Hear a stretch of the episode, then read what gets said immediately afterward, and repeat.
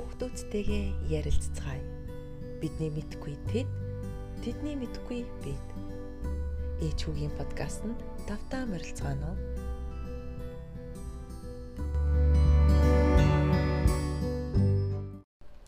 Сайн байцгаана уу? Та бүхэндээ энэ өдрийн мэндийг хүргье подкастынхаа 2 дугаар дугаараараа иргэн уулзч байгаадаа маш их баяртай байна. Эхний дугаарыг бит хоёр бид хинбэ гэсэн сэдвийн дагуу хоорондоо ярилцсан байгаа. Хэрвээ та бүхэн бит хоёрын өмнөх анхны дугаарыг сонссон бол энэ хүү одоо 2 дугаар дугаараас эхлээд ямар нэгэн сонирхолтой сэдвийн хүрээнд хоёлоо үзэл бодлоо хоорондоо чөлөөтэй солилцъя гэж тохирсон байгаа. За сайн уу шижээ? Сайн уу. За хоёр энэ удаагийнхаа дугаараар яг ямар сэдвийг хоёлаа сонголоо? Энэ удаагийн дугаараар бид хоёр ярилцж байгаад өөрийгөө ялан дэлхийн тухай ярилцахаар болсон байгаа. За харин маш сонирхолтой сэдв те. Тий. Тийм. Энэ талаар ер нь чи ер нь юу гэж боддیں۔ Аа за миний хувьд бол өөрийгөө ялан дийлэх гэдэг амар энгийн юмнаас эхлэх байх л та.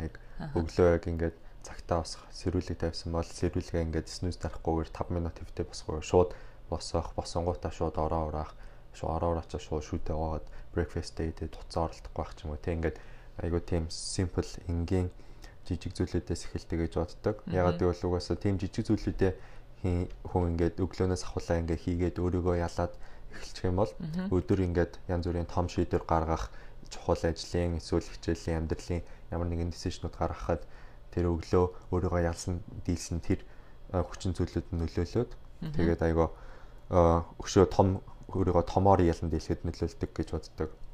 Тэг яг үнэ. Тэр нэг жижиг жижиг юмнуудаас эхлээд өөртөө дадал зуршлыг бий болгож гин гэсэн үг үү те? Тий.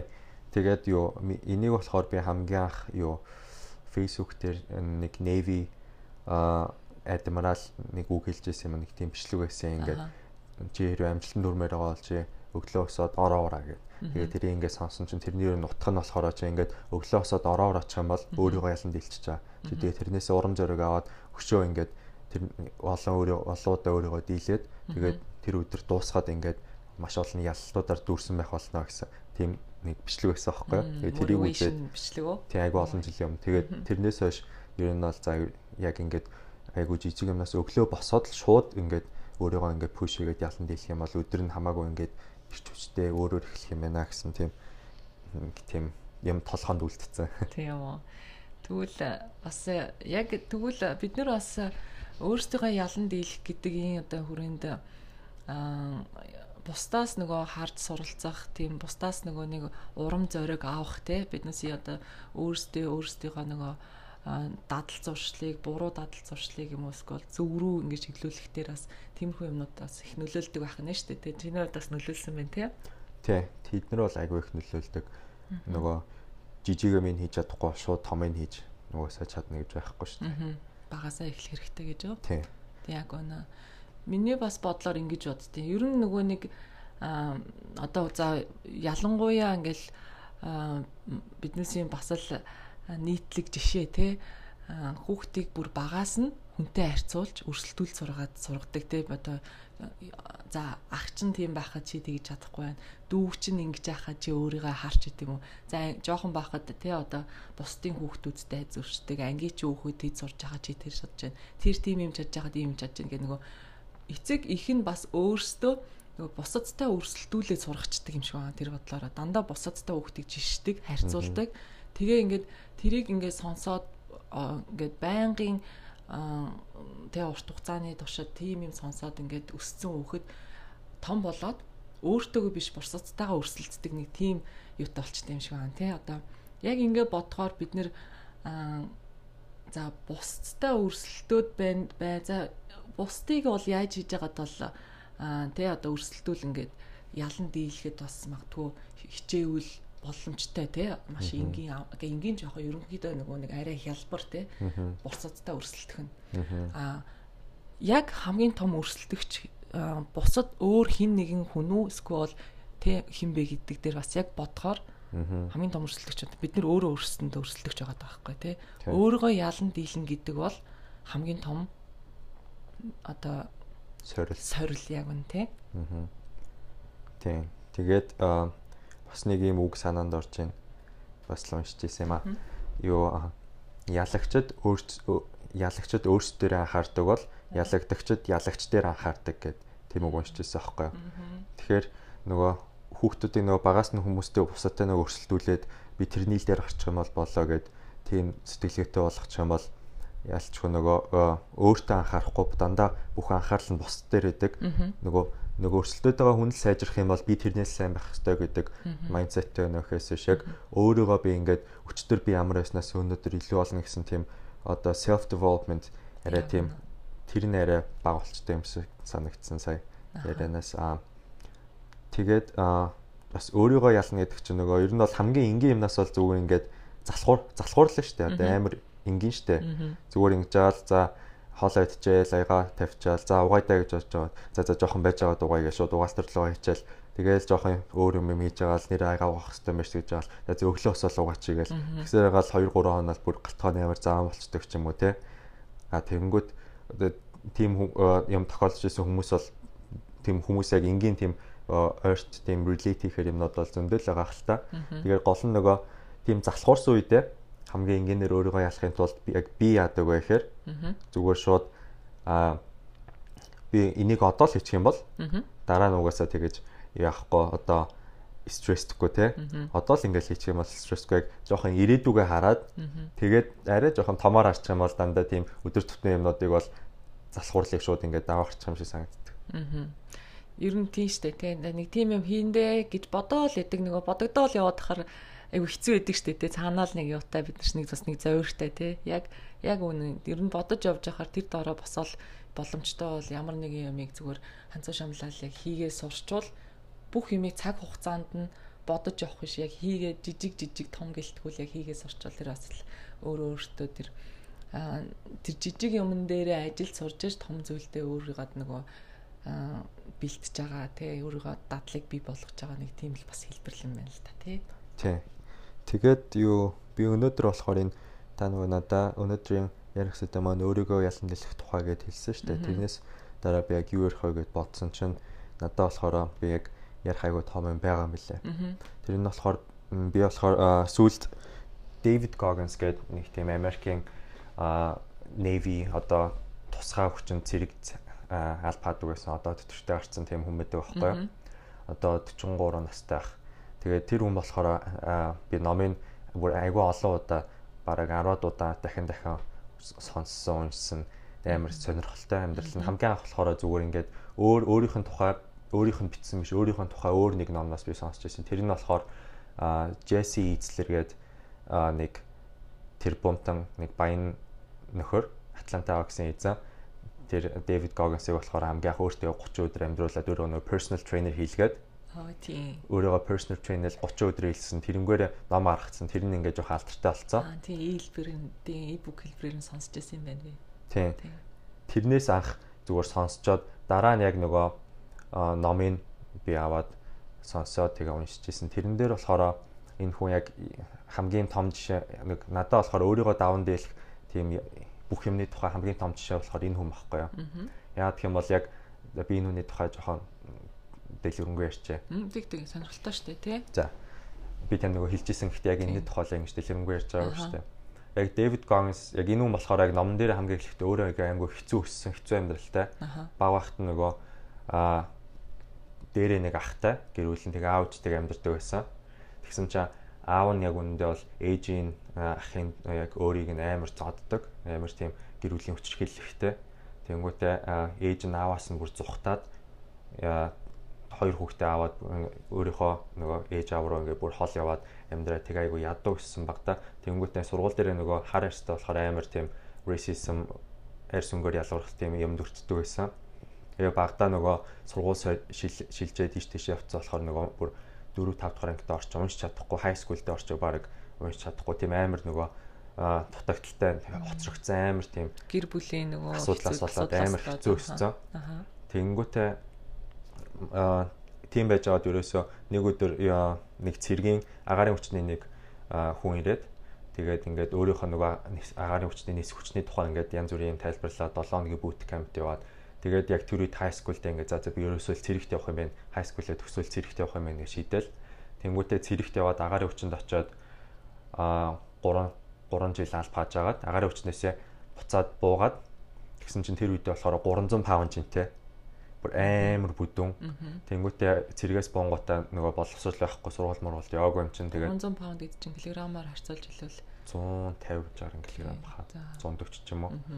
Тэгээд яадаг тэр үед хийдэг байсан 23 настайтай хийдэг байсан ажил нь ерөөсөө ингээл нөгөө странуудыг нөгөө шүн ингэж онгоолгож жом цэвэрлдэг ажил хийдэг байсан. Яа бүр хаасаа байна. Тэгээ бүр шүн бүр шүн бүх бүгд хаас байна эхлээд өглөө онгоотл ингэж бүх странуудыг явж ингэж нөгөө жомнуудын цэвэрлдэг нөгөө хулганы хавх мах тавьдаг тийм ажил хийдэг байсан байхгүй.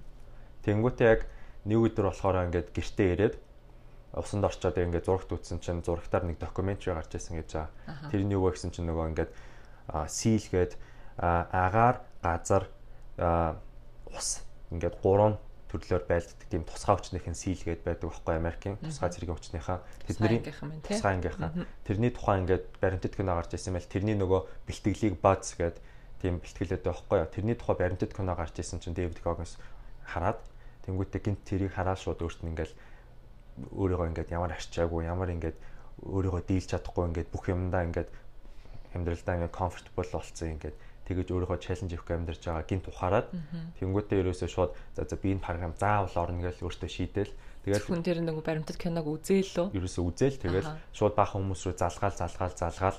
Тэнгуүтээ очисон хүмүүс ингээ ярангуут өө тийм үү гэж сонирхолтой байж recruitment нөгөө цэрэгт авах хүмүүс нь ингээд уулзсан. Харангуудаа шууд өө чи бүтгэхгүй чи хитрхи хүнд 300 паундтай чи ерөөсөө бүтгэхгүй жин ихтэй харгаад гаднах үзэмжээс нь шууд хараалаа тий шууд ядчих нугасаа сийлд болохоор түүхэндээ 35 36 хан хар арьстай хүмүүс угаасаа тэр програмд төгсөж исэн. Тэгээд бас хар арьстай хүмүүсийг зөөхөн авдаг юм шиг л. Гэтэ тэрнээс нь би нөгөө амар хүнд болохоор нь бүдүүн болохоор нь бүр амар олон амар олон хүмүүс тэгэж игнор хийгээд.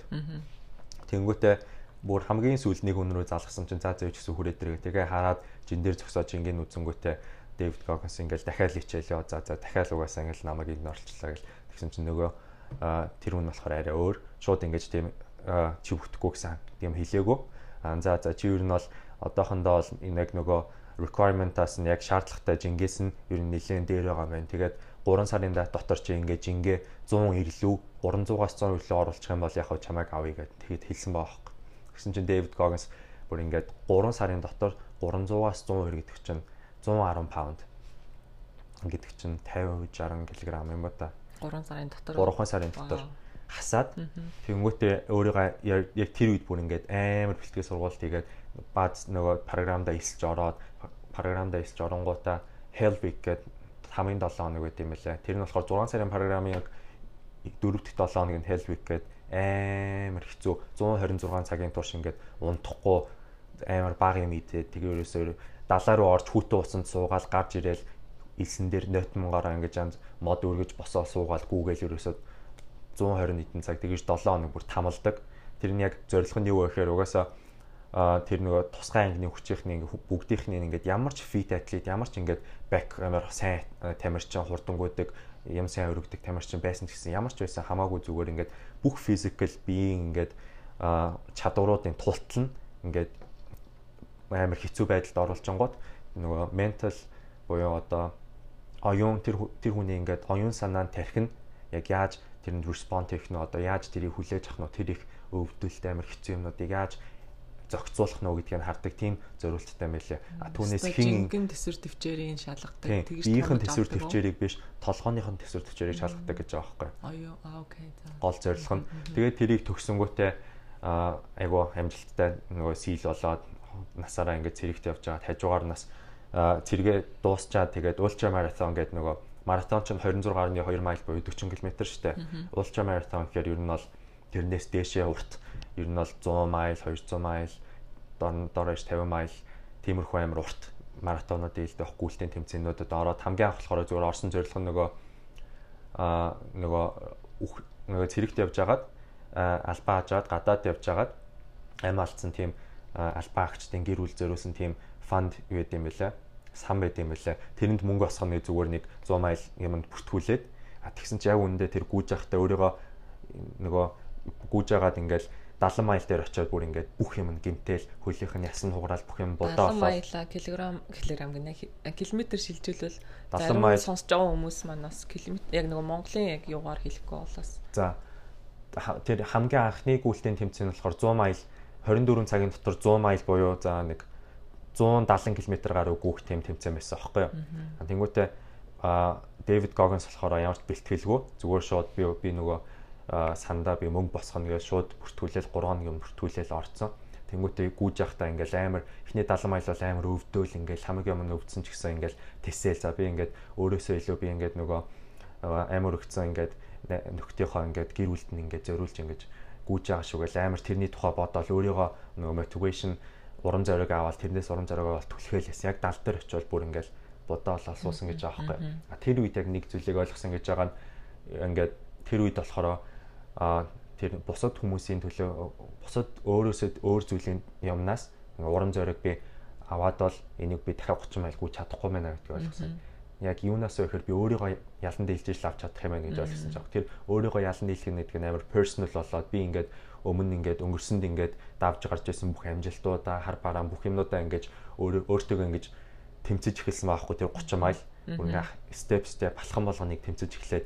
Тэгээд тэрнээс хойш тэр рейсээ 100 майла дуусгаад тэгээд тэрнээсээ хойш болохоор бүр ингээд одоо хараг 50 60 гаруй тийм ультра марафонд гүйсэн байх. Тэгээ гол нь гүйдэг зорилго нь юу вэ гэхээр ингээд Дэвид Гогенс хэвд ингээд амар цаг маг тиймэрхүү нэгт орно хоёрт орно тэр бол нэг өөрт нь хамаагүй гол нь өөрийгөө ялан дийлэх ёстой. Тэр марафонд тэр юунд орж явахдаа тэмцээнд гүйлтийн уралдаан тэмцээнд орохдоо ерөөсөө цаг бусдын тухай бодохгүй тэр нэгт ороод би хоёрт орно яарсан хамаагүй. Өөрийгөө л би 100% дайчлаад бүх юмаа гаргаж өөрийгөө би дийлхэл тийм ёстой гэсэн тийм амьдралын философитой амьддаг юм багхгүй би тэгээд энэ үнийг амар энэ дээр жоохон ярьчлаа. Тий. Угаасаа эн чин насар тэр 100 гаруй километр тэгэж гүн гэдэг чинь те бүр хүн яаж яаж ч утсан те 24 цагийн дотор бүр зогсоо зайгүй тэгэж те би физиологийн юмд ачаалаа авах гэдэг чинь яаж ч утсан л хүлээж авахд хэцүү шүү дээ тий. Тэгэхээр нөгөө сүүлийн тэр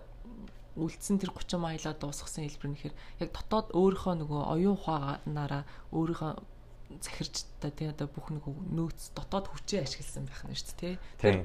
Айгүй одоо бид нар өөрсөө өөрсдийгөө захирч чадвал асар их нөөц хүч гардаг байх нь шүү дээ. Ер нь бол. Тийм. Тэгээд энэ ном Дэвид Гогенс болохоор өөрийнх нь номтой Can't Hurt Me буюу а намайг өвтгөж чадахгүй намайг зовоож чадахгүй гэсэн тийм нэртэй номтой тэрэн дээр нь болохоор нэг юм дүрэн байдаг байхгүй тэр ном нь болохоор айгүй хөрх ингээд юутай ингээд яг явж явах ингээд номоо уншаа явж байхаар 10 челленжтэй 10 өөр чаптертэй 10 өөр чаптер нь яг ингээд хүмүүсийг ингээд чи одоо ингээ ингээ бүр заавартайгаа челленжтэй тийм ном багхгүй. Тэгээ рүүл нөттэй бас дотроо ингээд янз бүрийн амьдралын Дэвид Огс өөрийнх нь амьдралтай хэрэглэх тийм философиудтай. Челленж нь товч дурдвал санаж байна уу тий? Тэгээ бүр ихнээсээ эхэлт юм а тэр чинь хамгийн ихний челленж нь болохоор нөгөө өөрийнхөө багдаа нөгөө амир гэрүүлэн хэцүүсэн тэрнийхээ тухай ярангуудаа шууд а чи ингээд өөрийнхөө өөрчн амьдрал чинь тохиолдсон ямар нэгэн хэцүү юм байгаа юу? Байгаа бол тэрийг ингээд чи ингээд бичээд тэгээд өөрийгөө ингээд а тэрийг ингээд хүлээн зөвшөөр ингээд нэрөөсөө тэр тэрнээсээ зүхтахгүй бүр ингээд бүр ингээд энэ бол миний өнгөрсөн энэ бол ингээд part of me ингээд миний нэг хэсэг гэ хүлэн зөвшөөгөө яг тэрнээс ахуулаад бүр анханаас ахуулаад нэг нэгээр нэрээ ахиулаад тэгээ сүүл рүүгээ бүр ингээд илүү advanced чаленжууд болоод ирдэг байхгүй. Тэрэн дээр нэг юу гэдэг нэг chapter гэдэг. Тэр нь болохоор 40% rule буюу 40% дүрмгээд. Тэр нь болохоор яг яадаг вэ гэхээр хүн ингээд өөрийгөө бүр ингээд за за би ерөөсөө болчлоо. Ямар нэг одоо жишээ нь гүйжилээ гэж бодоход за за би ерөөсөө л энэс цааш нэг ч алхах чадахгүй мэн миний бүрийн хөл өвдөж гин ингэж гин ингээд амар өвдөж гин би дахиад нэг майлч гүйж чадахгүй гэж бодсон. Яг тэр үед хүн өөрийнхөө тархины яг үндэ бол потенциалын 40% рүү л очсон байдаг гэж байгаа байхгүй юу. Цаана дахиад 60% байгаа. Гэт тийм дүрмтэй байхгүй юу. Тийм. Ундагийн тий. Тий. Тэгэхээр угаасаа нөгөө нэг яг үн тэр зөвл байна л да. Бид нар чинь нөгөө нэг ямар нэг юм хийж чадахгүй байгаагаа ч юм уу эсвэл ямар нэгэн одоо нөгөө comfort zone-до байна гэж ярьдаг шүү дээ тий нөгөө өөрийнхөө тийм тааламжтай одоо нөхцөл байдалд байдаг. Тэрнээс нь гарчих юм бол тэр нь тийм дуртай биш те хүлээж авдаг гэдэг юм уу? Тэгэл дандаа нэг ямар нэгэн excuse шалтак тоочдаг те дандаа гомдолдог өө тэр тэгсэн бол тийхлээсэн гэл өөр нэг хин нэгэн амжилттай явж байгаа нэг хин нэгнийг хараач гэдэг юм уу? Өө энэ тийм учраас тэгж байгаа ч гэдэг юм гэр бүл нь тийм болохоор өө энэ одоо баян болохоор ч гэдэг юм уу гэл дандаа л нэг шалтак хилээд идэг те. Яг үүндээ бол хүн болгон өөрөө өөрсдийнхөө амьдрал дээрээ давтагдчихгүй. Тэгээд яг л өөрийнхөө байгаа юм дээрээ хангалуун яг л өөрийнхөө тэр сайн ч муу ч бүх юмтайгаа л яг эвлэрээд тэрэндээ хүлээж аваад муу байгаа юм аа муугаар нь яг хүлээж аваад тэрнийхээ төлөө өөрөө өөрчлөх те сайн байгаа юм аа улам сайн болгох ч гэдэг юм. Яг ингэж л яг өөрөө өөртөө ажилд суруул бас айгу өөрийгөө л бас нэг ойлгох нэг бас тийм процесс те тэр чинь. Тий. Тий.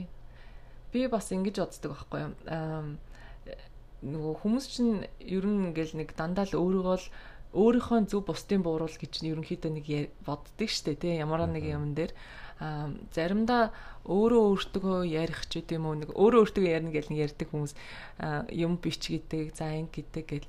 А тэгтээ миний хувьд болохоор бас нэг хийдэг нэг юм болохоор юм байхгүй би.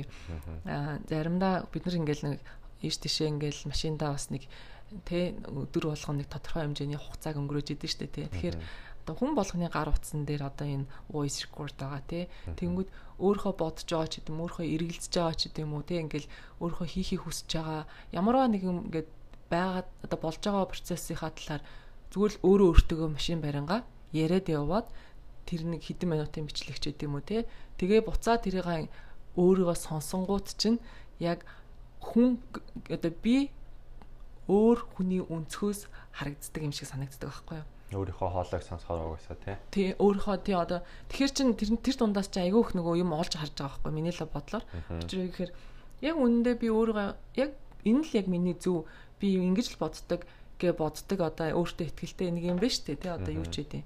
Тэрийг яг яриад хүндлэнгийн хүний чихээр ингээд сонсохоор тэр одоо яг бас зөв ч юм уу буруу ч юм уу ч гэдэм үү те бас нэг арай нэг өөр өнцгөр сонсогддог ч гэдэм үү ингээл нэг огт тэр чигээрээ ингээд 360 градус эргэчихгүй ч гэсэн ингээл тэр дундаас чинь ингээл хүнд чинь аа энд энэ болохгүй байгаа юм байна. За энэ энийг ингүүл бас зүгээр юм байна ч гэдэм үү янз янзын бас санаанууд бас гарч ирдэг баг.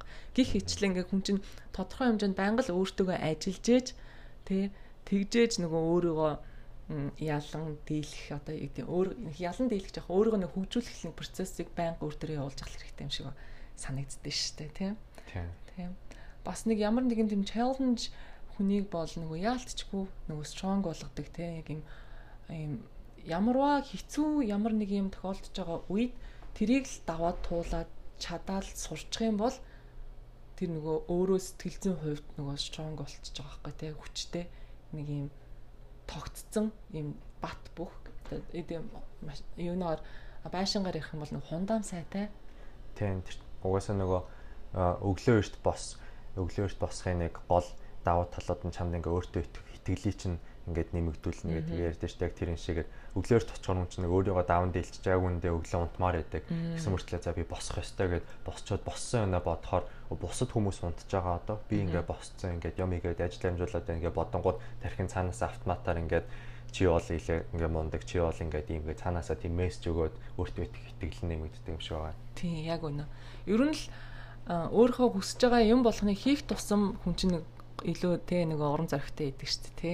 Бас нэг айгу миний хувьд нөгөө нэг одоо чамайг нөгөө хэлэхэд чи сая маратонд гүйсэн шүү дээ 2019 оны Сан Франциско маратон хэдэн километр гүйлээ 26 майл 40 км 40 км яа. Тэр бас надаа бүр амар том уран зориг өгсөн яг үндэ. Нөгөө чи тийм бүр амар бүр бүр ингээд за би дараа жил ста гүнэ гүтэг хамт гүнэ гэсэн яг тийм бодлыг өгч байгаа юм чаа тэр чинь айгүй том төвчээ штэ тий Юусе 20 40 40 км 5 цаг гүйсэн тий. Тий. Тий. Юу гэхдээ хамгийн гол нь нэрөөсөө гүдгүү байж агаад гинтл ерөөсөө гүн яагаад гүхэр болсон чи ер нь гинтл надад бүртгүүлсэн хаа хийсэн сүулт нь хэлсэн тий. Тий яг хөө тэр чинь нөгөө бас энэ сая ярьсан Дэвид Гогстой холбоотой л да. Би уусаа уусаа гүхийг амар юу ярч хэрэггүй гүүж яадаг юм. Сах зүгээр спорт тоглож өөрийгөө тэгэж жимд явж мууч тэгэж спортын ингэж physical activity-га тэгэж левелүүдийн гүүгээд юу гэдэг ингэж боддог байсан. Тэгсэн чи яг ингээд сонсоо гүүх чи ингээд зөвхөн гүүхээс өөрөөс өөрийгөө ялан дийлэх ингээд пуш хийх чадахгүй гэж бодсон юм а чадах тийм өшөө тийм цаана олон юм байд юм гэх тэр номноос жоохон ингээд ойлгож аваад тэгээд за би юу ч гэсэн юу ч гэсэн ингээд нэг удаа ч гэсэн ингээд хийхийг хүсдэггүй хийх дурггүй хийж чаддгүй юм а хийгээд үзье гэж одоо бүртгүүлсэн. Тийм ой ой тэр өстэй аим гоёсан. Тэгээд нөгөө би бас тэг ингээл яана чи ах сонсчод тий оо ямар гоё юм гэсэн мөртлөө цаанаас яна надад дуусгаж чаддаг болов гэж бид шамайг нэг хэлжээс миний хөө ядраад тэгэл заавал дуусгах яах те гэдэг нэг яг явж байхад чинь хэлсэн те. Тийм тэр чи ядж байхад нөгөө яг гүүж байгаад нөгөө огт нэх гүдэггүй хүн чинь гинтгүй өнгөт би нөгөө гимтэж магадгүй зүрийн авч магадгүй гэж бодоод янз бүрийн өвдөм өвдөг шилб янз бүрийн ширүүс мөн өвсөн сонч мона гимтчих юм бол дараа нь нөгөө бол бол янз бүрийн тэмцээн мэмцээнд ороход саад болоод айгу хэцүү байна. Тэгэхээр юу ч гэсэн гимтэхгүй тэгээд юу ч гэсэн дуусгаад Тэгээ ингээд би анх айгу цагаа ингээд за би ингээд 4 цагаас өмнө дуусгах хэрэгтэй ингээд пейсээ нөгөө хурдаа тооцоолол тэгээдсэн сүлдээ. За ерөөсөө л би зүгээр гимтэхгүй ингээд ямар нэг юм өвдөөл бүрээ болох жоох ингээд тийм буруу мэдрэмж хараад их юм бол би зүгээр ерөөсөө шууд э, жоох удаан болоод тэгэл тгий гэж сүлдэн чийдсэн. Харин тийм тэгээ 5 5 цаг хэдэн минутанд дуусглаа? 5 цаг. 5 цагт яг дуусгасан тий? 5 цаг 5 минут. 5 минут. Тэгэхээр 5 цаг 5 цаг зогсоо зайгүй тэгэж гүүн гэдэг ол ста хүнээс бас л гарах том твсэр төвчээ шүү. Би бүр бас л тэгээ нөгөө маратоныг яг маратон ч нөгөө 5 5 майл 10 майл тэгээ half marathon гэдэг тэгээд бүтэн тий чиний чинь full marathon байсан тийм үү? Тий. Тий. Тэгээд тэрийг дуусгасан хүмүүс нэг амар хөөрхөн өстой гоё нөгөө том төмөр медаль өгт юм. Тий. Медаль амар гоё тий нөгөө дуусгасан гэ тий маратоноо. Тэр тест амар гоё. Яг маратон яг энэ бол би зүгээр дуусгасан болохоос биш ерөөсөө сайн цаг бол өдөр биш. Гүү тэр чин дуусгасан л дуусгаж чадсан л эцтэй. Тэр чин л гол том амжилт байгаа байхгүй өөрийгөө тэгж яасан. Тэр чин тэгээд дундаас нь чи болчмор санагдсан зөндөө үе гарсан гэжтэй тий. Тийм тэгэл. Би яаж яах нөгөө гүйж яхтай нөгөө энэ нөгөө Can't Hurt Me номны нөгөө аудио хэлбэрийн чихвчээр зөв гүйжсэн. Тэгээд яг гүйж байгаа л 3 цаг руу ороод ирсэн чинь нөгөө чихвчний цэнийг дуус амтарсан. Тэгэл яа за тэгэл мэдгүй. Яг тийм үед яг юу бодсон? Чи чинд одоо нөгөө нэг энэ хүний одоо яг тэгжээс ингэжсэн гэсэн бүх юмнууд толгойч яг яг тэр тусалж чадсан уу тийм тэр хүний бас нэг зарчим нь яг шууд надад тэр үед ингээл бодогдол ер тэрний юу гэхээр чи хичнээн зовж исэн чамлж исэн ч гэсэн чамд хичнээн их ингээд хэцүү байсан ч гэсэн хаа нэгтээ чамаас хэцүү хүн байж л байгаа. Тэр хүн тэгээ тэсээ болж л байгаа. Тэгэхээр чи бол ерөөсөө энэ дээр ингээд сүржигнээд ингээд сүртэй болоод тах юм байхгүй гэсэн бас тийм юутай. Тэрийг яг бодоод би ингээд бодонгууд тэр үед бол яг ингээд бас ингээд хөлөө өвдөөл хөлийн уул амир өвддөг юм билээ сонио. Эхэндээ бол зүгээр яж байгаа сүүл рүүгээ мэдхгүй ингээд ясн амир өвдөд идэм билээ. Тэгээд жоохон сууж байгаа юмар санагдаа. За одоо зогсчих юм бол бүр амир юу ачин цаг удаан болчихно явах хэрэгтэй. Тэгээ бодонгуудаа энэ Дэвид Гомсыг бодонгуудаа анхны маратон дээр ингэсэн тэгсэн бүр цусаар шээгээд ингээд хий юм хараад тэгсэн гэдгийг бодонгуудаа юу тэрний хажууд би зөв зөв зүгээр байгаа юм байна. За зүгээргүй гээ шууд тэгж бодож чам. Аа тэр өстө гоёсан. Тэгэл би хүрст амар. Гэхдээ яг ингэдэм билээ.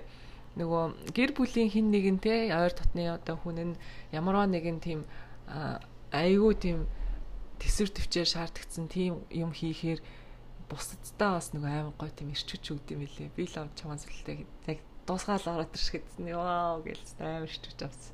Тийм. Тийм. Тэгэхээр амар гой санагдчихсан. Дараа жил цоггүй юм байна. Харин тийм тий. Харин гүнэ би нөгөө нэг чам бүртгүүлсэн гэж яхад чам ээж нь спорт болоод хамтгүй хүмүүхөө гэж нэг ярьж байсан шүү дээ. Тэгээд яг чам орж ихэд чадчихлаа гэж орж ихэд би хэрвээ яг за окей гэж яг бүртгүүлсэн бол бас яаж иж байгаа дуусгаал ингээл бас өөрийгөө ялцсан байх байсан ч юм болоо гэж бас нэг тухай дуудагдсан. Тэгээд бас хамаагүй бэлтгэлгүй хараад ер нь бол жоох юм хэцүү. Ядаж нэг юм уу ядаж нэг юм уу хоёр сар бэлтгэл хийж байгаа орохгүй бол. Би бас би нэг сар бишээ сар биш 2 7 хоног л бэлтгэл хийсэн ах тий. Тий, ерөөсөө хийх гэж чад тий. Нэг гоёс ш. Тэгээд тиймхүү яг зөвөр тим одоо тиймхүү юмыг давна гэдэг чинь ер нь бол нөгөө тэр болгоныг давтсан одоо ямарваа нэг юм тухайн үед хэцүү санагдаж байгаа болохоос биш тэр чинь нэг тодорхой хэмжээний л мөч байгаа байхгүй тий нэг хугацаа тэр хугацааг л давж л чадах юм бол цаана нь тэг ингээд гарч болдог энэ хүн ингэж үргэлж юм уу юм биш ямар нэгэн юм ингээл өнгөрдөг те дандаа ингээд хойно гарч чаддаг гэсэн тийм гоё итгэл үнэмшил тийм гоё нөгөө төсвөр тийм гоё урам бүх юмыг өөртөө авч байгаа байхгүй. Тэр мэдрэмж амар гоё тий ер нь бол.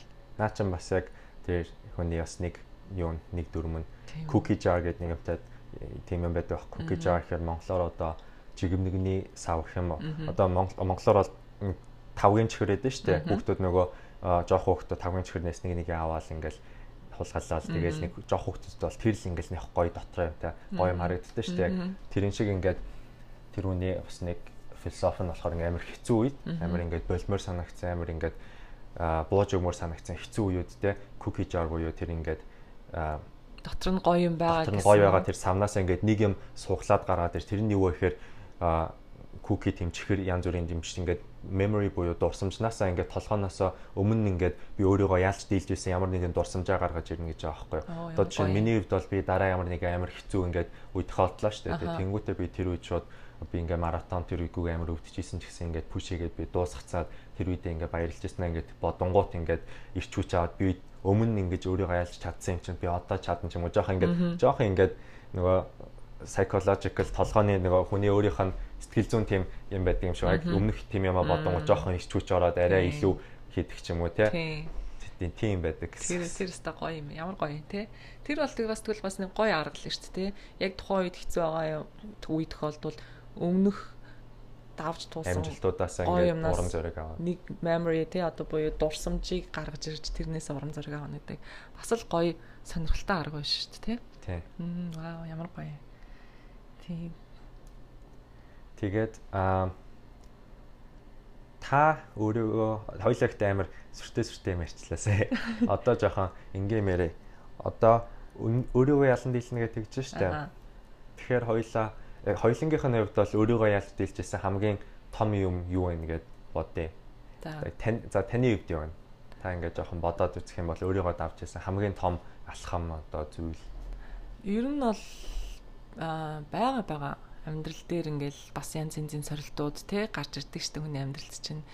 Олон шийдвэрийн дунд те одоо ингээл яад айл замаар явах ч гэдэм ер нь л алхам тутамд л нөгөө нэг өөрийгөө сордог ингээл амьдрал чинь дандаа л сонголтын өмнө идэг штэ те.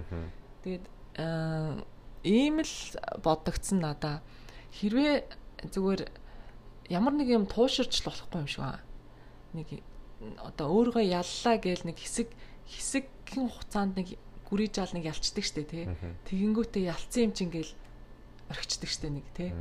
Тийм тэр тийм биш зүгээр л юм тогтвортой нэг балансаа барьж явж чаддаг тийм л чадвар хүнд хэрэгтэй юм шиг байна. Яа тэгэхээр би нөгөө нэг өөр дөр ингээл бодож байгаа байхгүй юу? Нэг юмны төлөө аягүй зорж байгаа л бүр өстой. Гүрийж байгаа л яг тэрийг за хойно гарч чаддаг. А тэгснийхаа дараа нөгөө хүн л юм чинь ингээл тайвширчдаг. За тэгсэн юм чинь ингээл за за одоо ингээл жоохон ингээл тайван байчиж гэдэг юм. Тэгингээл Тэнгүүт чинь тэр чинь нөгөө нэг өмнө нөгөө нэг гүрийсэн одоо тий одоо өмнө арайч гэж ихч хүчит гаргаж болгосон юм аа ингээд хэсэг хугацаанд ингээд болцохоор буцаал нөгөө нэг тий ингээд тэрийг дахиж буцаж нөхөх хэрэгтэй болдог ч гэдэм юм. Гих жишээний ер нь. Тэгээд нөгөө бодоол сүүл ерөнхийдөө за за хитрхи их бүр амар нөгөө нэг өөргөө пүүшилчих болохгүй юм байна те. Хитрхи их бас сул тавьчих болохгүй юм байна. Зүгээр л бүх юм дээр яг балансаа бараал ингэж л явж тогтвортой л байхгүй бол бас нэг дээш доошоо бас нэг ер нь л ингээл савлах бас тийм хандлагатай байд юм байна да л гэсэн тийм бодолтой шүү дээ. Та сая нөгөө нэг юм одоо нэг амжилт гарангуудаа шууд тэрэндээ ханаал за одоо болцсон юм чи ингээд туушрдаг гэж тэгжсэн шүү дээ. Би яг би яг өөрийгөө амар тэгдэг анзаарсан. Одоо жишээ нь одоо би нөгөө ой тогтоолтын өмнө нөгөө тэмцээнд орсон үеүдтэй болохоор ингээл тэмцээнд оронгуудаа ингээл жоох амжилт гаргаал ингээл олон медаль аваад ч юм уу тий. Тэгэл цол мол аваад тэгэл буцаал ирэнгүүтээ ингээл шууд өө ингээд болцсон одоо нэг хэсэгтээ одоо би э, ингэсэн юм чи амар нь ёстой. Хүснээрээ байна юу ч хийхгүй гэл нэг хоёр сар ингээд бүрстэ амар бэлтгэл хийлээ мэлээ гэлөө тий одоо би ядарсан болоо. Ингээд одоо би ёстой энэ амралтыг ингээд deserve хийж аваа ингээд амрах ёстой амар тэгэл тийм тийм айгуу их гаргадаг байсан юм билээ а тэгээд яг одоо энийг жоох ингээ бодоо утсан чинь тэр үед бас би нэг тийм юу сонсч байсан аахгүй юу. Одоо 13 юм уу 12 юм 14 юм аль нэг 13 онд хаа ой тогтоолтын дэлхийн аваргын тэмцээн дээр Йонас Вонс ингээд юу Шведийн нэг тамирчин дэлхийн аварга болсон аахгүй юу? Тэр тэр жил. За. Тэр чинь нөгөө 10 төрлийнхоо 10 төрлийн дараа ингээд 10 төрлийн нийлбэр дүнгээр дэлхийн авраг цологдсон шүү дээ. Тэр үед бас нэлээд л өрсөлдөөнтэй тэр жил болсон юм шиг байгаа айгүй олон мундаг хүмүүс байсан. Аха. Тэгэнгүүтээ Хэдэн онд гинэ? 14 онд. Аа за. Тэгэнгүүтээ а яг дэлхийн авраг болсныхын дараа ингээд сурвалжлагч очоод за ингээд Йонас ингээд баяр үрий дэлхийн авраг болсон чи тэгээд сэтгэл ямар байна гэж шууд асуусан юм байна л та. Тэгсэн чинь шууд а оо сэтгэл айгүй өндөр байна. Тэгээд нөгөө сурвалжлагч нь чи одоо тэгээд дэлхийн авраг болсон юм чи одоо чи юу их вэ гэж тэгсэн чинь шууд Йонас өө би одоо тэгээд шууд гэртээ яриад дараа жилийнхаа дэлхийн аврагт бэлтэндээ гэл. Тэгж хэлсэн гэж байгаа байхгүй. Тэгэхээр тэр үний үед бол ерөөсөө ингээд өөртөө тийм ханах туйлших мэдрэмж ерөөсөө тийм байхгүй. Ерөөсөө би ингээд өөрийнхөө ингээд эйм хийжсэн ингээд төлөвлөж исэн нэг даваагаад авчлаа. Одоо дараагийн даваа юу вэ? Ингээд шууд ингээд амьдрал нь ерөөсөө ингээд өөртөө нэг тийм хансан мэдрэмж айгу байхгүй. Өөрийгөө байнга пүшилж яадаг урагшаа. За энийг хийчлээ, дараагийнх нь юу вэ? Энийг хийчлээ, дараагийнх нь юу вэ? Одоо энэ уулан дээр гараад ирчлээ. Өшөө том уул хаана гэж юм те. Яг тийм амьдралын философитой хүмүүс айгу аа тийм инспайринг урам авахар тийм олон хүмүүс байдаг.Дэг байна тий. Харин тийм байна. Тэгвэл тийм хүмүүс ч л тэгэл нөгөө нэг одоо чинь одоо яг тэр тэмцээний дараах тэр бэлтгэлийн талаар хэлэхэд одоо чи ингээл хэсэг амарчгаар таансын нөгөө тэр эн чин тархичин бас л нэг булчин гэж ярьдаг те байнга л нөгөө ажиллаулж ийж тэр бэлтгэл сайтай байж идэг. Ажиллуулахаа болчоод бас л нөгөө буцаад нөгөө формонд орох гэж бас нэг жоохон юм болдог штэ тий. Тий. Тэгэхээр чин нөгөө буцаад өөрхөө хөдөлмөрсөн хөдөлмөрөө ингээд жоохон тавьчихж байгаа байхгүй тий. Тийм. Тэгээд манай ой тогтолтын спортын хувьд бол а нэр би үзэгчтэй илүү мэн би ой тогтолтоор 5 жил хичээлж байгаа. Би тэгээд хамгийн 10 2014 оноос эхэлж ой тогтолтын спортоор хичээлсэн. Тэгээд Монголдоос хөрхэн тэмцээнд ороод Аз Азийн авраг, дэлхийн авраг, гоё нийлэмп гэхэд энэ тэмцээнд орж исэн. Тодорхой хэмжээний амжилт үзүүлж исэн. Аа тэгээд тэр үедээ болохоор аа би яг одоо энэ өөрийгөө ялан дийлэх тухайтай ингээд холбогдлолтой ингээд өөрийнхөө тогтоолтын спортоор хичээлжсэнд холбоотой нэг надад санагддаг юм нь болохоор юм байв лээ. Ой тогтоолтын спорт болохоор надад а яг ингэж болдог байхгүй тэмцээнд одоо 100 хүн орж байгаа бол ингээд 100 хүн ингээд нэг том зааланд бүгдээрээ нэг нэг тусдаа ширээн дээр суулаа. А тэгэнгүүтээ ингээд яг ижлэхэн материал, ижлэхэн цаг чийлэх юм өглөө. Тэгээд хуудас эргүүлээ, чэйжлээ, цаг дуслаа, хуудсыг авч явлаа, саналаа. Нэг тийм форматаар явагддаг байхгүй классик тэмцээнүүд.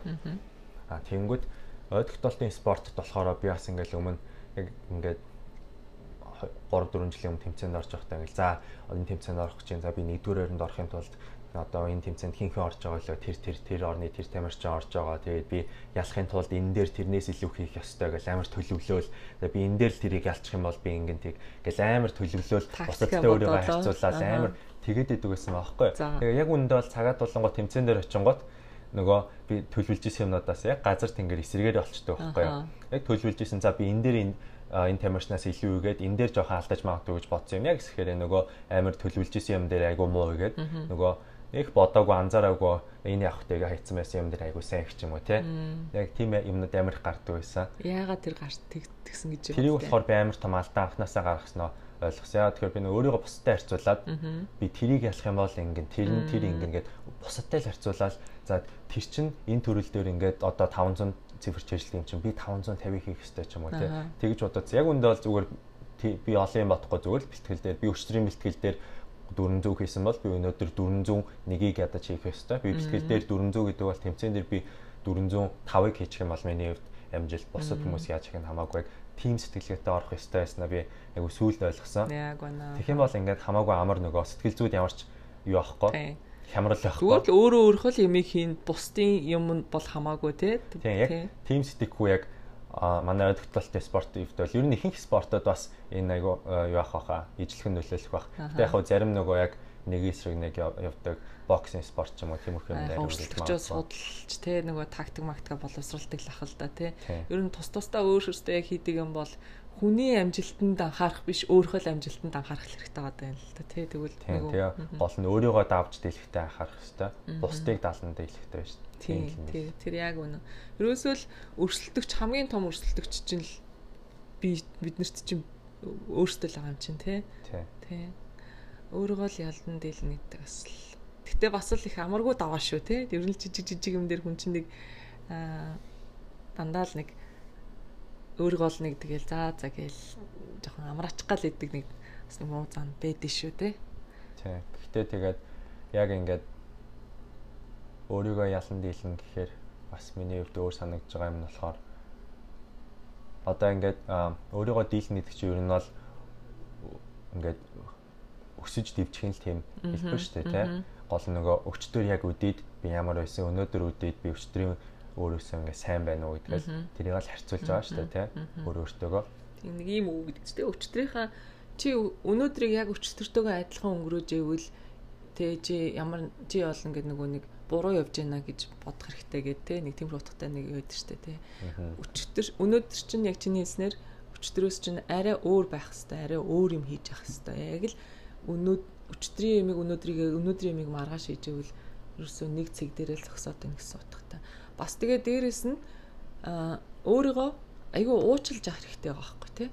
Өөрийгөө яг л байгаагаар нь хүлээж авдаг. Тий.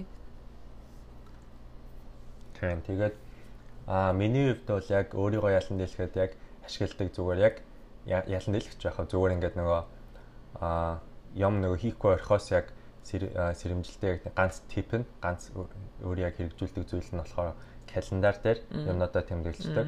Нөгөө за яг тийм ингээд сараар нь гаргангуудаа өдрүүд 7 хоног 7 хоногор нь хуваагаад яг тэд тэд өдрүүдээс би юм юмтай тэд өдөр нь би энийг хийн.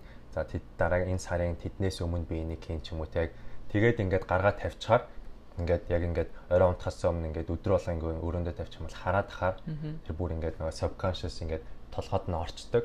Тэнгүүт шууд нөгөө хүн чинь арайас өөр хандтай юм билээ. Календар дээр хагаад ирчингүүт ингээ календараа л өө нэрээ би одоо 3 хоногийн дараа ихэд би энийг хийх хэрэгтэй юм биш. За би тэгвэл маргааш цаг гаргаад нөгөөдөр цаг гаргаад ингээд хийн ч юм уу яг тэр нь бол надад айгүй тусалдаг. Тийм тийм. Мэдээж нөгөө нэг хүн болгон л өөр өөрсдийнхөө ажлыг ажлыг тодорхой хэмжээнд төлөвлөдөг бах те. Зарим нь яг ийм өдөр тутмын календартай, зарим нь болохоор сараар нь хөтэлдэг, зарим нь 7 хоногоор хөтэлдэг ч юм уу, зарим нь өдөр өдрийнхөө оройдоо дүгндэг. Янз янз л байгаа. Ажлаа дүгнэж, ажлаа төлөвлөнө гэдэг бол яалтчгүй өөрийгөө өөрийнхөө өнөөдрийг маргааш илүү байлгах тэр юмд бол хамгийн том бас юм те. Миний хувьд бас ингэдэж шít. Би болохоор нөгөө нэг утсан дээрээ юм нөтөн дээр юм тэмдэглэдэг байхгүй юу? Календар дээр тэмдэглэхээс илүүтэйгээр яг календарын нөгөө сарын эхлэхэд одоо ерөнхийдөө нөгөө болох юмнуудаа тэмдэглэдэг нийтээр нь шүү дээ тий. Яг ингээд жижиг жижиг өдөр тутам дээр ингээд байгаа хэрэгтэй бодогдож байгаа ч гэдэм үү эсвэл ямар нэг юмнаас сонссон ямар нэгэн юмнаас унссан зүйлээ ч гэдэм үү ийм түлхүүр үг болгож өөр дээр бичиж авдаг байхгүй. Тийм тэр нь ингээд зөрөөсөл нэг л нэг үг юм уу хоёр үгний толбоос үг те яг тэрийг харахад л яг тэр бүх нөгөө нэг одоо утгаараа тэр үгийг сандаг одоо тэр нэг уншиж ирсэн ч гэдэг юм уу тэр сонссон бүх юм ингэж бүхлээр нь өөртөө хэрэгтэй гэсэн юм болгоно ингэж motivation авах тийм юмнуудыг айгуу тэгж түлхүүр үг болгож утсан дээр бичтээ надад нэг тийм лист идэх байхгүй тэгээ тэрэн дээр бичээл идэв тэгээ тэрийг ингээ эргээ харахаар яг хэрэгтэй үедээ харахаар амар юу хэрэгтэй. Нэг гой гой юмнууд шүү дээ. Гэтэ бид нар ч ингээл зөндөө л мэдээлэл аваад сонсоол байгаа мөртлөө тэгэл тухайн үедээ л өө ямар гоё юм ямар хэрэгтэй гэсэн мөртлөө тэгэл ячдаг байхгүй. Өнгөрөөчдөг тий. Тий. Тий. Яг цаг төлөвлөлтийн хувьд бол хүм болгонгоос өөр өөр мэддэг бах тий. Гэтэ тэрэн дээр яг миний бас нэг ойлгосон юм цаг төлөвлөлтөд төлөвлөгөө харахтаа ингээд амар үнэмшилтэй яг realistic буюу яг ингээд бодит байдалтайгаа нийлсэн төлөвлөх хэрэгтэй юм лээ. Тэгэхгүй шууд ингээд би болохоор өмнө нөгөө сэтгэлийн хөдлөлөөр 10 жилдээ байхдаа ч юм уу шууд сэтгэлийн хөдлөлөөр за би одоо шууд ингээд эсвэл тэмцээнд бэлтэж байхдаа ч юм уу тий. За 9 сар тэмцээн байна би. Шууд ингээд тэрнээс өмнө би шууд одоо чинь 30 минутанд би шууд ингээд 3000 тоож ажилтдаг болон ч юм ингээд шууд ингээ амар амар зориг шууд ингээл тавьчихдаг.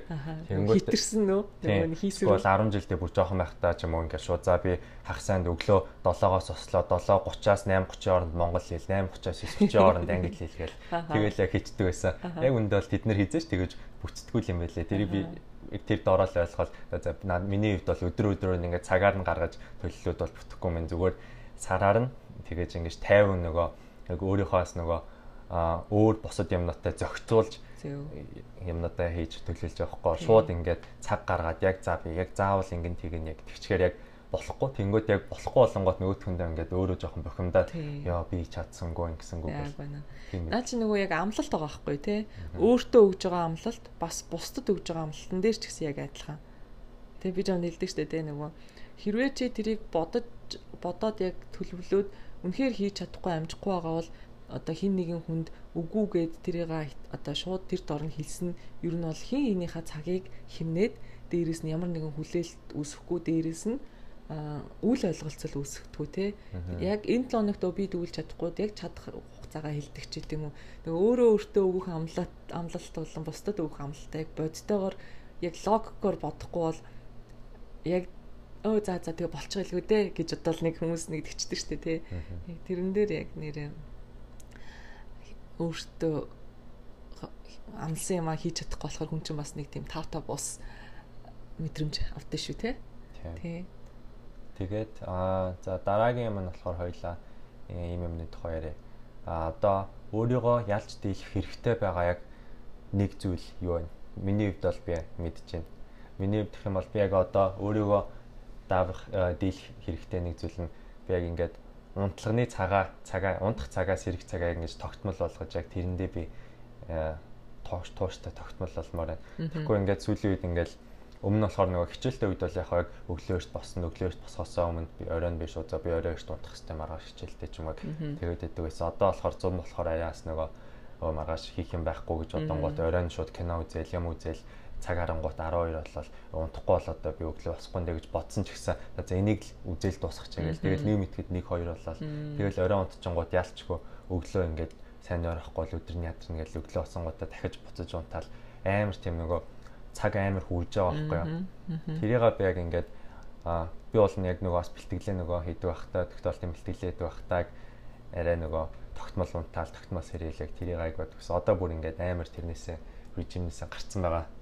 Тэрэндээ буцаж орж тэрэн дээр өөрийгөө яалж одоо уцаа оролдох жах юм юм үзэж байхдаа өөртөө шууд би өглөө эрт босч ингэж маргаашийнхаа би ажлыг алахгүй бол би одоо ингээд иш дунтах хэвээр миний маргааш одоо эхэлж байгаа шүү өөрөө өөртөө кодоо өгөөд шууд дунтах тийм нэр нь бол одоо тийм юм өөртөө тавьж байгаа. Тийм тэр зөв угаасаа би тэрийг яг чамаас харж байгаа.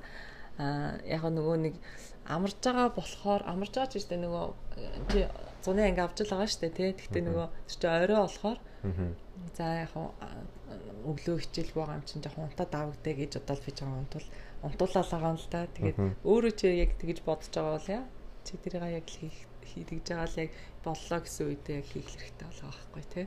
Харин тийм. Тэгэхгүй бол ялч нөгөө миний хамгийн анх ярьж исэн юмнаас шууд би тэрнтэйг өөрөө нөгөө хамгийн анх өглөө босоод өөрийгөө дийлээл жижиг зүйл дээр дийлээл сэрүүлгээд дарахгүйгээр шууд босоод ороо ураагаал өглөөний цагаа эрүүл хоолой дээр шүтэн байгаагаал ингээл хийх ёстой чухал ажлуудаа өглөө хийгээл ингээл яг ингээл жижиг юмнаас эхлээл өдрийн том юм руу явна гэд яг тэгээ ярьжсэн шүү. Тэгсэн мөртлөө өөрөө болохоор ингээд э, өглөө жингээ унтаад харч тэгээ шууд ингээл тэгээд харч ингээд бүр ингээд нөгөө одоохонд бол тэгж байгаа учраас тэгтээ за одоо тэгтээ амарж аваад одоо тэгж өглөөр тосч эхлэх нь шүү дээ. Тий одоо бол тэгсэн маа. Тэгээд яг ер нь тийм байх юм бол анхнаасаа яг нөгөө түрүү ярьжсэн шиг ингээ өглөө ингээд өөрийгөө дийлэхгүй босчонгот өөртөө ялагдаад. Тэнгууд өдөр нь ингээд өглөө өөртөө ялагдсан мэдрэмж нь гарч дуусаагүй байтал өөр юм дээр ингээд том шийдвэр гаргах болоо тэрэн дээр буруу шийдвэр гаргах юм ингээд өөр олон consequence тийм юмнууд гаргаад. Өглөө эрт тусах айгүй гоё штэ. Би өглөө эрт босдог ямар ч гэсэн habit-ыг өөр төрөө тодорхой хэмжээнд суулгацсан. Тий тийм байгаа штэ. Амарж байгаа өдрүүдээр ч гэсэн би ер нь бол дандаа өглөө 7:30-д босдог тий тэгэл өглөөр тосгоор өдөр аяга урт байдаг. Өмнө нь бол унтдаг үе байсан л та мэдээж те ингээл хүн болгон л унтах үе байгаа. А тэгтээ нөгөө нэг яг нэг унтахгүй байгаад сурчгаар өглөө эрт босоод ахаар яг хүн чинь бүр ингээд сурчдсан юм лээ. Ямар сэргэлэггүй яг л тэр сэрдэг цагта амарч байгаа өдрөө ч гэсэн яг сэрчин. Тэнгүүтээ за за би амарч байгаа юм чинь унтыг хэд бодохгүйгээр босчоор тэр амралтын өдөр маань аяга урт болж байгаа хэрэг өглөөр тасангууд. Одоо жимдээ удирдаг ч гэдэг юм уу те тэгэл дөнгөж 10 цаг болж байхад нилээ одоо юм хийцэн ингээл айгүй их тийм юутай. Тэнгөж хэрвээ 10 цагт босч байгаа бол тэр чинь те өдрийн чинь нилээ хэдэн цаг хойшоо ингээл сунна гэсэн үг шүү дээ те тэг ядж яхад нэгэд өглөөрт босчих юм бол тэр дороо гяс босоод нүүж амаагаал өглөөний цаа уугаал шууд ажилд ороход бэлэн штэ. Орой босчоор ингээд босоол уцаарлдал манараал нозоорол за одоо яах вүлээ бод тэгэл бүр босгоход нэг цаг болоод хосон дорол дахиад нэг цаг болоод амар тэгэл шууд тэгчтэй штэ. Үр бүтээмж нэг аягүй хашилчдаг тий. Тийм. Тэрэн дээр яг өөрийгөө ялах хэрэгтэй байгаа гэдгээ. Тий. Бод бодоод авах биш тэгэл хийх хэрэгтэй дээ тий. Тий. Тэгш тийм шүү. Би болохоор бас ингэж боддог. Би за өөр дээрээ би бодвол ярихад аа нөгөө за ээж болгон л ялангуяа нөгөө за өстө эрүүл хооллон тий за өстө жимэнд явна гэл эрүүл амьдралын хөвшлийг би өөр дээрээ би болгоно гэл ялангуяа бүх эмгтээчүүд маань л тэгж ярьдаг шүү дээ тий. Тэгээ эхэлдэг. Тэгээд эхэллээд явж яснаа жоохон тууштай байж чадахгүй ингээд дундаасаа болоод тэгээл дахиад эхлээл ингээд нэг Тэрний би нөгөө нэг яриадсан юм чи яг миний нэг ийм таллаагаад байгаа байхгүй юу? Кето дайт, анужин дайт, бор бод та юу хэлээ. Янз янз юм хийдэг.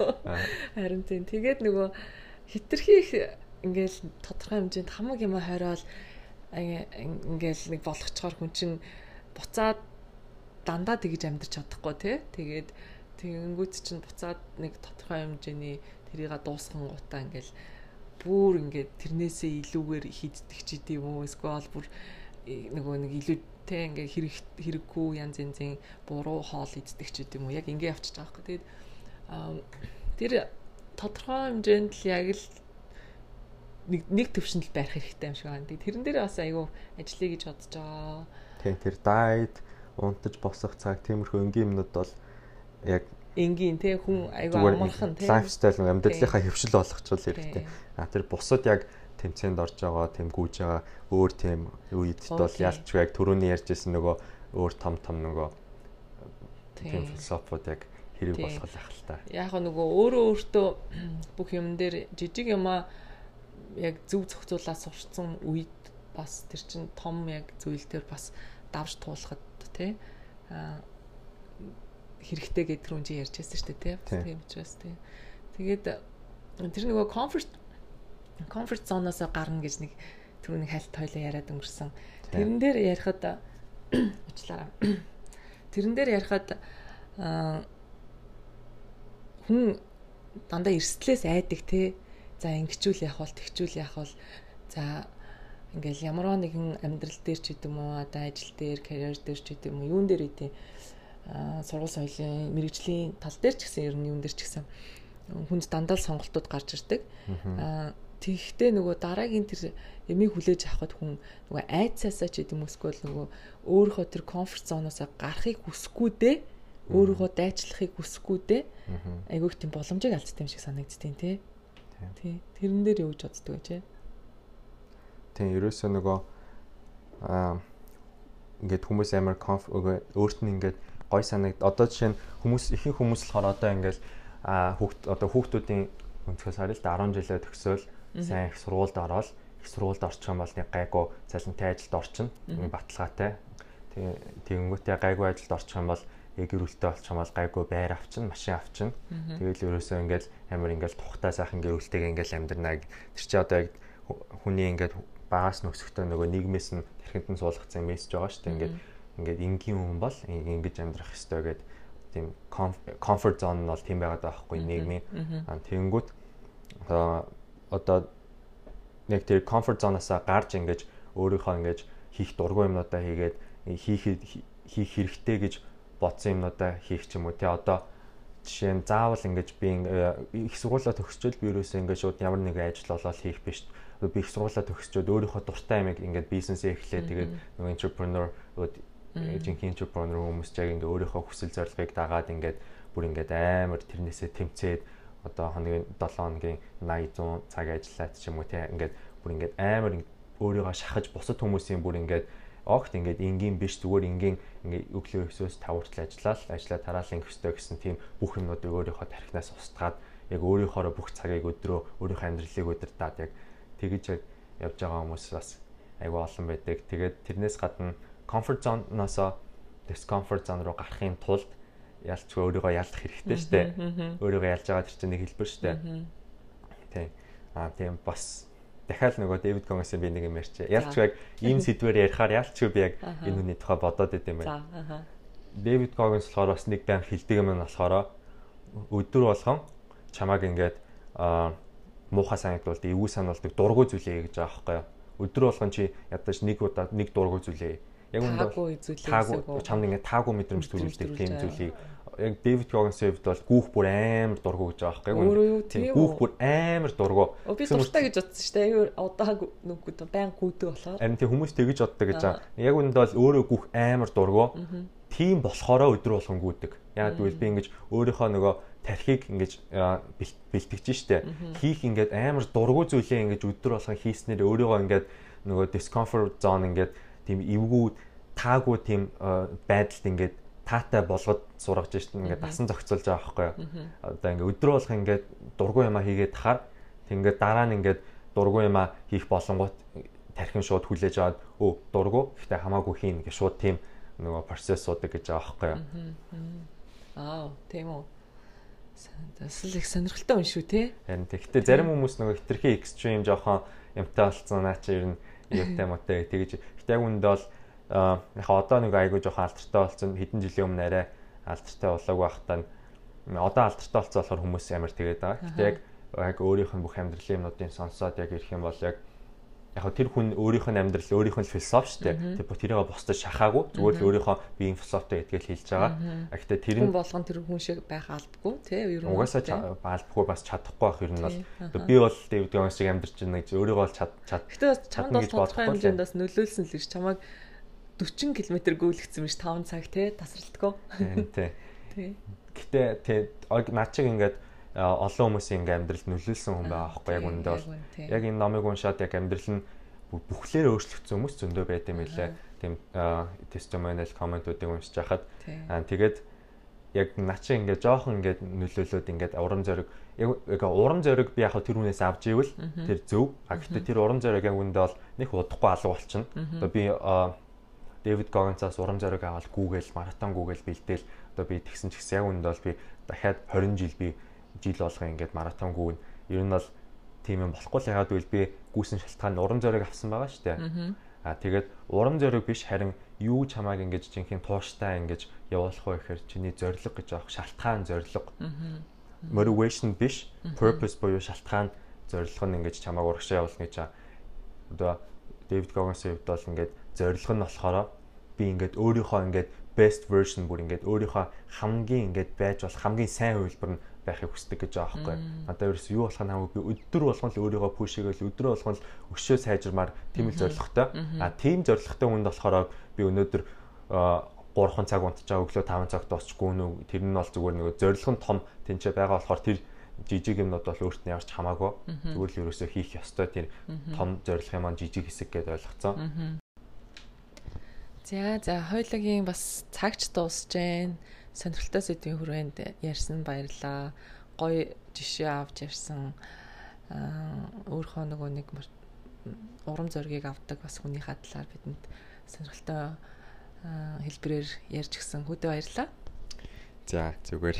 Тэгээд бас энэ сэдвийг сонгож ингэж гоё сэдв сонгож надтай гоё ярьсан танд баярлалаа. Тэгээд дараагийн сэдвээ та энэ сэдвээ сонгосон юм чинь дараагийн сэдвээ би сонгоно. Гэтэ одоохондоо арай шийдэг байгаад би бодож байгаа танд хэлээ. За тэгээд тэгвэл хоёлаа ярьж байгаа тасаалъя те. Тий. За ингээд э, бит хоёрын хоёр дахь подкастыг э, өөрийгөө ялан дийлэх гэсэн сэдвийн хүрээнд э, сонссон та бүхэнд баярлалаа. Ингээд дараагийн дугаар уулзсан хүртэл баяртай. За баяртай.